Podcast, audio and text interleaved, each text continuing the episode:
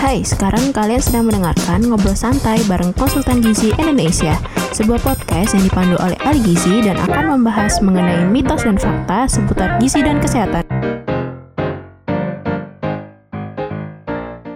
Hai sahabat Kozi, kenalin aku Vina Cahya, salah satu mahasiswa jurusan Gizi yang lagi join program internship konsultan Gizi Indonesia. Kali ini Vina akan sharing dalam segmen Ricu bersama Kozi. Apaan tuh?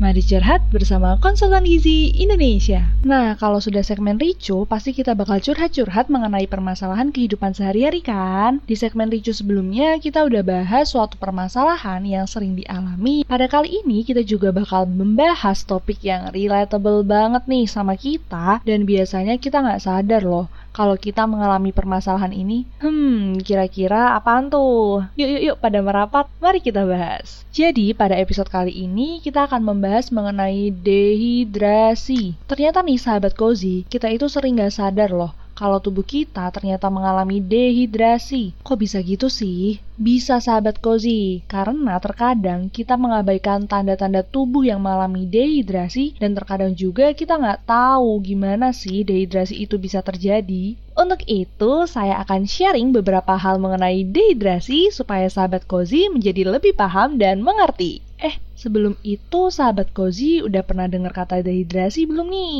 Nah, jadi dehidrasi merupakan kondisi di mana tubuh kekurangan cairan karena jumlah cairan yang keluar lebih banyak daripada cairan yang masuk. Terus, kenapa sih kalau tubuh kekurangan cairan? Gini nih sahabat Kozi, jadi 70% komposisi tubuh kita itu merupakan cairan. Nah, cairan di dalam tubuh tentunya memiliki banyak sekali fungsi dong, antara lain mengatur suhu tubuh, menjaga keseimbangan tubuh, mempengaruhi tingkat energi, memaksimalkan kinerja fisik, meningkatkan fungsi otak sehingga kita lebih berkonsentrasi lagi, menjaga fungsi pencernaan. Wow, banyak banget ya ternyata manfaat cairan dalam tubuh kita. Nah, kebayangkan kalau tubuh kita kekurangan cairan maka fungsi dan kondisi tubuh pasti akan ikut menurun. Untuk itu, yuk kenali tanda-tanda dehidrasi. Tanda-tandanya dibagi menjadi tiga tingkatan nih sahabat Kozi, dengan tanda yang berbeda pada tiap tingkatannya. Yang pertama, dehidrasi tingkat rendah. Biasanya tanda yang muncul adalah rasa haus. Yang kedua, dehidrasi tingkat sedang. Selain rasa haus, muncul juga gelisah, bahkan nih menyebabkan pusing. Dan tingkat yang terakhir yaitu dehidrasi tingkat berat. Nah, pada tingkat ini, selain haus, gelisah, dan juga pusing, tubuh akan merasa mengantuk, lemas, lalu tangan kaki menjadi dingin, serta kulit jari akan menjadi keriput. Lalu, apa sih penyebab terjadinya dehidrasi?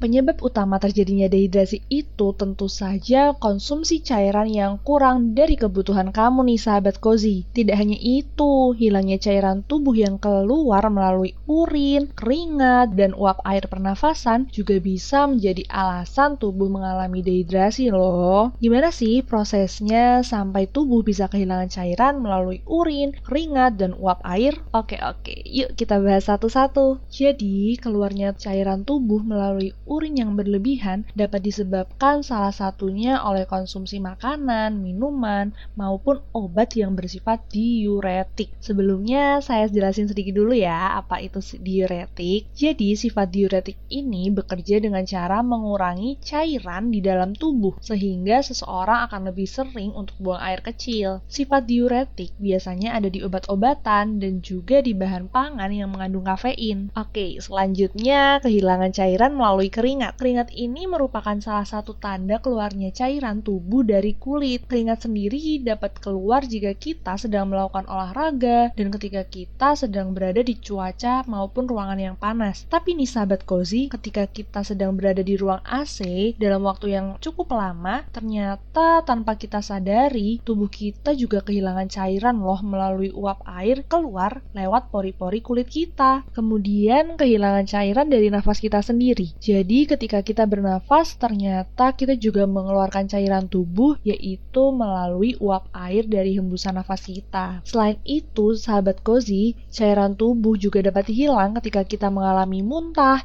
diare, maupun demam. Hmm, bentar Kok demam juga? Jadi gini nih, ketika kita mengalami demam, tubuh akan memproteksi diri salah satunya dengan mengeluarkan panas. Nah, ketika ada panas, cairan di dalam tubuh otomatis akan menguap atau bahkan bisa diubah menjadi keringat. Oleh karena itu, kondisi demam juga dapat menyebabkan dehidrasi nih. Wah, wah, wah, ternyata baik juga ya cara si cairan keluar dari tubuh kita yang nggak pernah kita sadari sebelumnya. Lalu muncul pertanyaan nih, gimana dong supaya cara tubuh kita tidak mengalami dehidrasi, ini nih yang penting untuk disimak. Yang pertama, dan yang paling penting yaitu jangan lupa untuk minum air putih 8 gelas atau 2 liter per hari atau bisa disesuaikan dengan kebutuhan kita masing-masing ya. Maksudnya sesuai kebutuhan itu disesuaikan dengan aktivitas. Misal nih, sahabat Kozi aktif olahraga atau banyak aktivitas di luar ruangan yang membuat sahabat Kozi mengeluarkan keringat. Nah, sahabat Kozi perlu menambah konsumsi cairannya sesuai dengan intensitas aktivitas atau kondisi yang lagi dialami sahabat Kozi. Yang kedua, kurangi minuman yang bersifat diuretik. Masih ingat kan diuretik itu apa? Kalau lupa, dengerin lagi aja ya penjelasan yang tadi. Jadi contoh minuman yang bersifat diuretik itu seperti teh, kopi, dan soda. Kalau sahabat Kozi Rozi ngerasa lagi dehidrasi, usahakan kurangi minuman-minuman tadi ya. Terus ada yang nanya juga nih, Gimana sih kalau minuman manis? Berarti boleh dong. Um, usahakan jangan dulu ya sahabat cozy,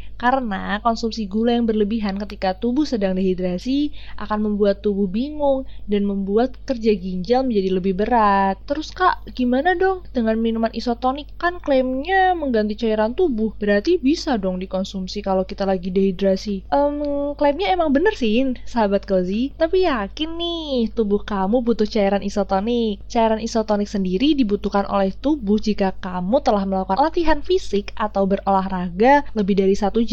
Nah, cairan yang dikonsumsi pun bukan hanya cairan isotonik saja loh, tetapi sahabat Kozi tetap perlu dan wajib mengkonsumsi air putih. Gitu sahabat Kozi. Nah, gimana nih sahabat Kozi dengan penjelasan mengenai dehidrasi tadi? Makin paham dan mengerti kan bahwa membiarkan tubuh mengalami dehidrasi itu enggak baik. Untuk itu tetap ingat ya, minum air putih 8 gelas sehari supaya kita terhindar dari dehidrasi. Nah, setelah mendengarkan podcast ini, semoga sahabat Cozy bisa sadar ketika tubuhnya sedang mengalami dehidrasi dan mengerti cara mengatasinya. Nantikan juga ngobrol santai di segmen Ricu selanjutnya bersama Cozy, konsultan gizi Indonesia.